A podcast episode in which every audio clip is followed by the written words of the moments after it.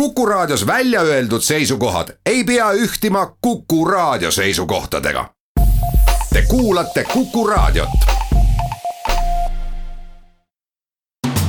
hääletades Euroopasse. saadet toetab Euroopa Parlamendi Eesti büroo eetris on saade Hääletades Euroopasse, stuudios on Annika Õunap ja Ahto Lobjakas, poliitikaanalüütik, kolumnist ja raadiosaatejuht, tere tulemast! tere! Nagu igal esmaspäeval räägime teemadel, mis hetkel Euroopas aktuaalsed ja mis ühel või teisel moel inimesi puudutavad. täna on meil teemaks terrorism ja, ja sisserändajad. see on üsna kuum teema, mis alati tekitab inimestes selliseid vastakaid tundeid. ja sageli tõmmatakse ju terrorismi ja, ja sisserändajate vahel ka võrdusmärki, me räägime sellestki täna. Ahto, sa oled ühes oma artiklis öelnud, et terrorism on midagi sellist, millega tuleb harjuda. no kas sellega saab üldse harjuda või et äh, kas me saame seda kuidagi pidama hakata selliseks normaalseks osaks meie elus? no see on muidugi nüüd keerulisem küsimus, kui lihtsalt äh, see tsitaat, minu enda tsitaat lihtsalt nendib, et suure tõenäosusega need rünnakud ei kao ära ettenähtavas tulevikus meie ühiskondadest, me räägime suuresti samas rünnakutest, mida korraldavad üksikud inimesed, võib-olla väga väikesed grupid ja see on see nii-öelda tehniline põhjendus, miks me peame harjuma sellega, sest et ei ole ju ettekujuteldav, et meie ühiskonnas oleks võimalik inimest niimoodi jälgida, et sajaprotsendiliselt garanteerida, et keegi sellist asja toime ei pane. ja vahendid on kättesaadavad kõigile, motiivid, motivatsioon on järjest laienev, eks meil on ju mitte ainult terrorism selles traditsioonilises mõttes, meil on koolitulistamised näiteks, nad väga ei erine minu arvates terrorirünnakutest, kui me vaatame seda, mis juhtus Christchurchis Uus-Meremaal siin äh, märtsi alguse poole, siis äh, see on selline lai spektrum asjadest, mis põhimõtteliselt koonduvad üha rohkem mingi isiku vihale ühiskonna vastu või mingite gruppide vastu ja selles mõttes niipea kui see võitlus individualiseerub, ta on asümmeetriline. definitsiooni kohaselt ta ei ole hallatav, nii et, et noh, see on see, mida ma mõtlen selle tõdemusega. Ma tegin enne saadet sellise väikese kokkuvõtte ka sellise, mis on viimase nelja aasta sees toimunud sellised suuremad terrorirünnakud siin äh, Euroopas et noh, näiteks ma alustan äh, sellest, et seitsmes jaanuar ja kui Charlie Hebdo toimetusele tehti terrorirünnak, eks ole. kaksteist inimest äh, hukkus. sama aasta kolmeteistkümnes november toimus mitmel pool Pariisis korraga erinevaid rünnakuid, sada kakskümmend üheksa inimest hukkus ja haavata sai kolmsada inimest kakskümmend kaks märts kaks tuhat kuusteist, kolmkümmend kaks inimest hukkus ja kolmsada sai vigastada, kui siis Brüsselis lennujaamas pomm plahvatama pandi ja samuti siis ka Euroopa Liidu peakorteri lähistel metroopeatuses. ja ISIS on nende rünnakute eest võtnud vastutuse. nii, siis tuleb siin neljateistkümnes juuli kaks tuhat kuusteist Nitsa rünnak, see puudutas ju ka eestlasi väga tõsiselt, et ka Eesti inimesed, kaks kodanikku hukkus selles rünnakus, kaheksakümmend kuus inimest kokku. nüüd üheksateistkümnes detsember kaks tuhat kuusteist veoauto kaaperdanud islamist sõitis Berliini jõuluturul rahva sekka ja kaksteist inimest hukkus, nii et see nimekiri tegelikult läheb iga aasta, iga aasta neid tuleb siia juurde. nii, siis kakskümmend kaks märts kaks tuhat seitseteist, täpselt aasta pärast Brüsseli rünnakuid sõitis radikaliseerunud mees Londonis äh, Westminsteri sillal rendiautoga jalakäijate sekka ja viis inimest hukkus.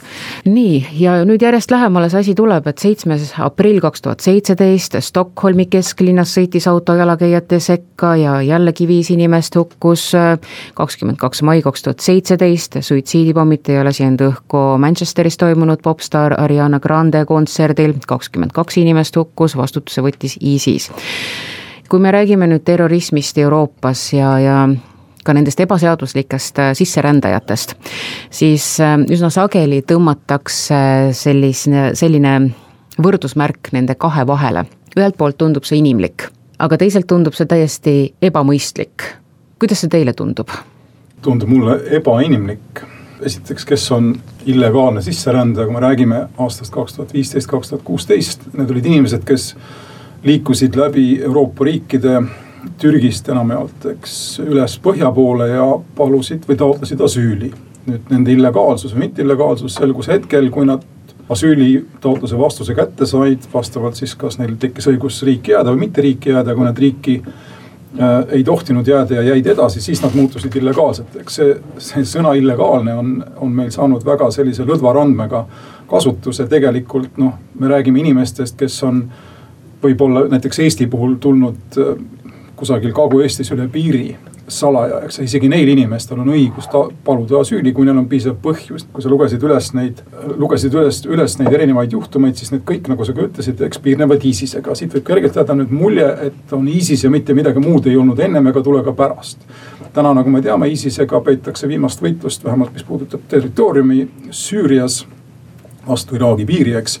ISIS on hävitatud, nüüd noh, kas ta nüüd viie või kümne aasta pärast jätkab meie ohustamist, seda on raske öelda, aga mida ma tahan öelda, on see, et, et selle vaate fookus, kui ta võtta nii-öelda nelja aasta peale, kaks tuhat viisteist kuni kaks tuhat üheksateist on väga kitsas. terrorismi noh, juba praegu on meil siin teatavas mõttes nagu olemas sellised bookend'id või mis iganes seda eesti keeles see sõna võib olla, eks siin.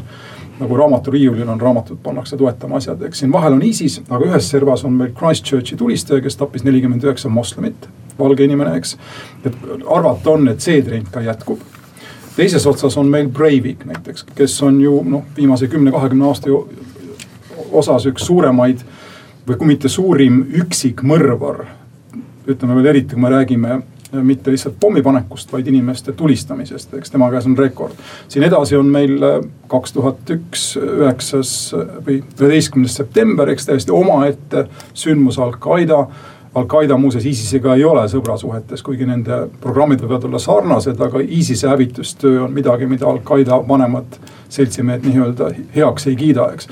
enne seda oli meil veel Timothy McVeigh, kes tappis paarsada inimest, valge mees, valge terrorism föderaalvalitsuse vastu USA-s suunatud aktiga, eks. nii et mida ma üritan öelda, enne seda muidugi mina olen näiteks kogenud äh, või näinud või noh kuulnud, ütleme niimoodi terrorismi Suurbritannias, kus ma olin tudeng üheksakümnendate aastate keskpaiku.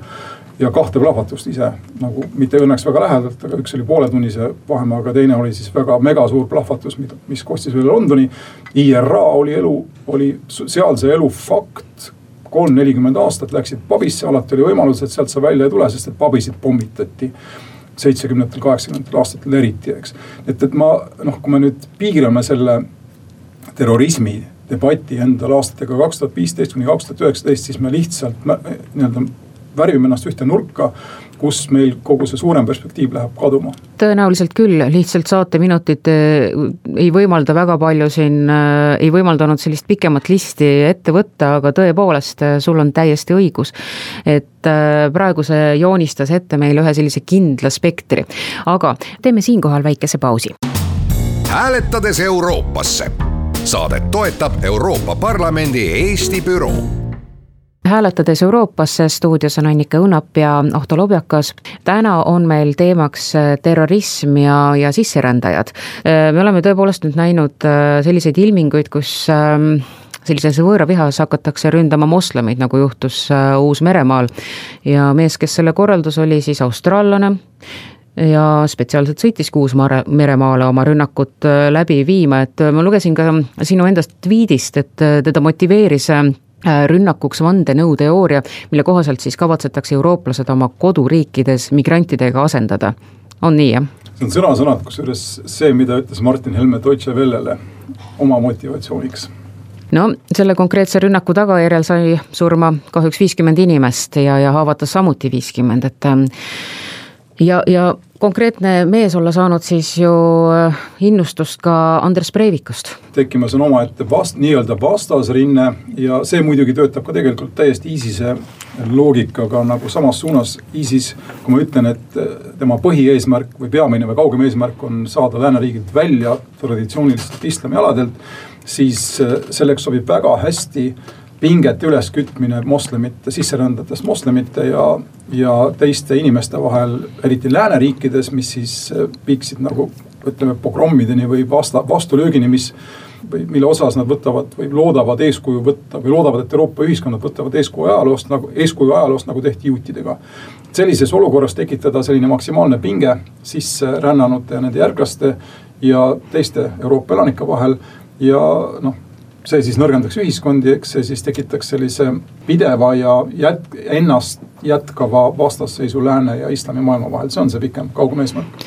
no Breivik ka ju nimetab ennast ju tegelikult rahvuslaseks äh,, siis paremäärmuslaseks kristlikuks konservatiiviks ja kui me nüüd vaatame, millised poliitilised vaated meil viimasel ajal aina enam populaarsust koguvad Euroopas, ka Eestis, siis äh, noh, minul tekib küll selline küsimus, et millal näiteks siin võib mingisugune selline pomm kärgatada, kus üks mingisugune rahvuslane hakkab puhastust läbi viima.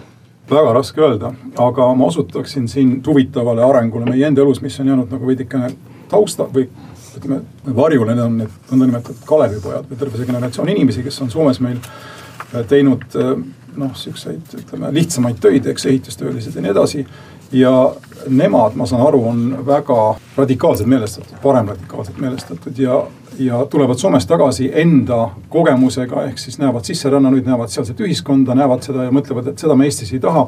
ja nüüd tuli paari päeva eest siin, kui me räägime, eks tuli, tuli see iga-aastane õnneuuring ja soomlased on teist korda järjest maailma kõige õnnelikum rahvas ja see ühiskond, kus Breivik tegi seda, mida ta tegi, ei olnud nii väga erinev Soomest nii et küsimus on vaatepunktis ja küsimus on lõppkokkuvõttes ikkagi selles, et me lihtsalt ei tunne maailma, pole sellega harjunud ja reageerime üle ja selles kontekstis ei ole üldse võimatu, et ka meil juhtub midagi sellist päris koledat. aga korra räägime nüüd natukene ISISest veel, et terroristid tulevad Eestile järjest lähemale, et äh, terrorirünnakud on siin toimunud Rootsis, Soomes ja ka Venemaal, eks ole. et äh, kui me vaatame seda, et näiteks Rootsi ei ole osalenud äh, islamiriigi mingisugustes sellistes konfliktides aktiivselt, Eesti samas on nendes konfliktides aktiivselt osalenud. kas näiteks me oleme end sellega kuidagi ISISe silmis ära märgistanud? Ja kasutades nüüd vanaks jäänud retoorikat juba, aga George W Bushi aegadel nimetati islamimaailmas USA-d suureks saatanaks ja siis Suurbritannia oli natukene väiksem saatan ja Eesti oli siis see kõige pisem saatan seal, eks. naljalt, naljalt väiksemat maad enam ei olnud, mis oleks osalenud Afganistanis ja Iraagis. Ja osalesime me tugevalt ja iseenesest seda ma ei kritiseeriks, ma arvan, et me päriselt ei saanud aru, mida me tegime, aga me tahtsime anda endast parima välja tuli, noh läks nii nagu alati seal maailmas, kui lääneriigid üritavad sekkuda, eks. aga ma ei usu, et otseselt see saaks mingisuguseks õigustuseks või et selle eest meid nüüd karistataks veel, see oleks juba ammu juhtunud, kui selline asi oleks kellelgi mõttes olnud. ühesõnaga seda ma ei arva, aga sa viitasid siin Rootsile ja, ja ISISe rünnakul Belgia näiteks on väga rahumeelne maa, ma olen Belgias elanud üksteist aastat ja enne neid rünnakuid aastal kaks tuhat seitseteist vist või. ei olnud ühtegi märki ka sellest, et selline asi oleks võimalik, ma käisin jooksmas Möllenbeckis, kus on see noh, meie mõistes geto ja sinna keegi ei julge minna, eks väga rahulik ala tegelikult. et see kõik muutus väga järsult ja, ja neid see muutuste järskus ongi võib-olla üks indikaator selle osas, mida meil karta tuleb ettenähtav ei ole siin mitte midagi. kõik sõltub sellest, kas keegi kusagil radikaliseerub, võib-olla tavaliselt nad on inimesed, nad radikaliseeruvad romantiliselt. see on sihuke, ma kasutan seda sõna väikse tähega praegu, väikse R-iga. Need on inimesed, kes on olnud mingid väike pisikurjategijad või mis iganes, kahekümnendates eluaastates võib-olla ka nooremad, kellel ei ole elus suunda. ja siis nad mõtlevad, et nad asetavad kõik ühele kaardile ja see on väga romantiline žest, sellist asja Äh, islamiühiskonnas, traditsioonilises islamiühiskonnas Afganistanis, Iraagis, nii edasi ei, ei juhtuks kunagi. see on ainult võimalik Euroopas, kus need inimesed on atomiseerunud ja eraldatud kõigest, mis neile mingisugust noh juhtnööri annaks või elus pidepunkti annaks. ja siis nad vaatavad, aga mul vanemad olid moslemid, eks. tavaliselt nende kurjategijate vanemad ei saa üldse aru, mis juhtus nende lastega. ja, ja need inimesed teevad isikliku, individuaalse, väga euroopaliku valiku teha üks žest, sümboolne žest ja tappa nii palju kui võimalik. see nii juhtus ähm, Belgias, nii juhtus Prantsusmaal, nii on juhtunud nende islamiterroristidega või siis nad on meele, meeleheitele aetud inimesed nagu see Usbek seal Rootsis, kes sõitis autoga Kungsgaatanil inimeste sisse, temale oli ära öeldud äh, varjupaigataotlus, ma ei taha öelda sellega, et varjupaika tuleb tingimata anda. aga need on need kaasused, mida tuleb karta, mitte mingi armee või ma ei tea, lähenemist Eestile kui need inimesed on meie enda seas, nad on juba sündinud ja nad on nagu meie hetkeni, kuni nad teevad täiesti teistsuguse valiku lõpetuseks, millise hinnangu sa annad terrorismivastasele võitlusele? ma arvan, et kõige mõistlikum osa sellest võitlusest ja Euroopa, eriti Lääne-Euroopas on sellest ammu aru saadud, on töö kogukondadega.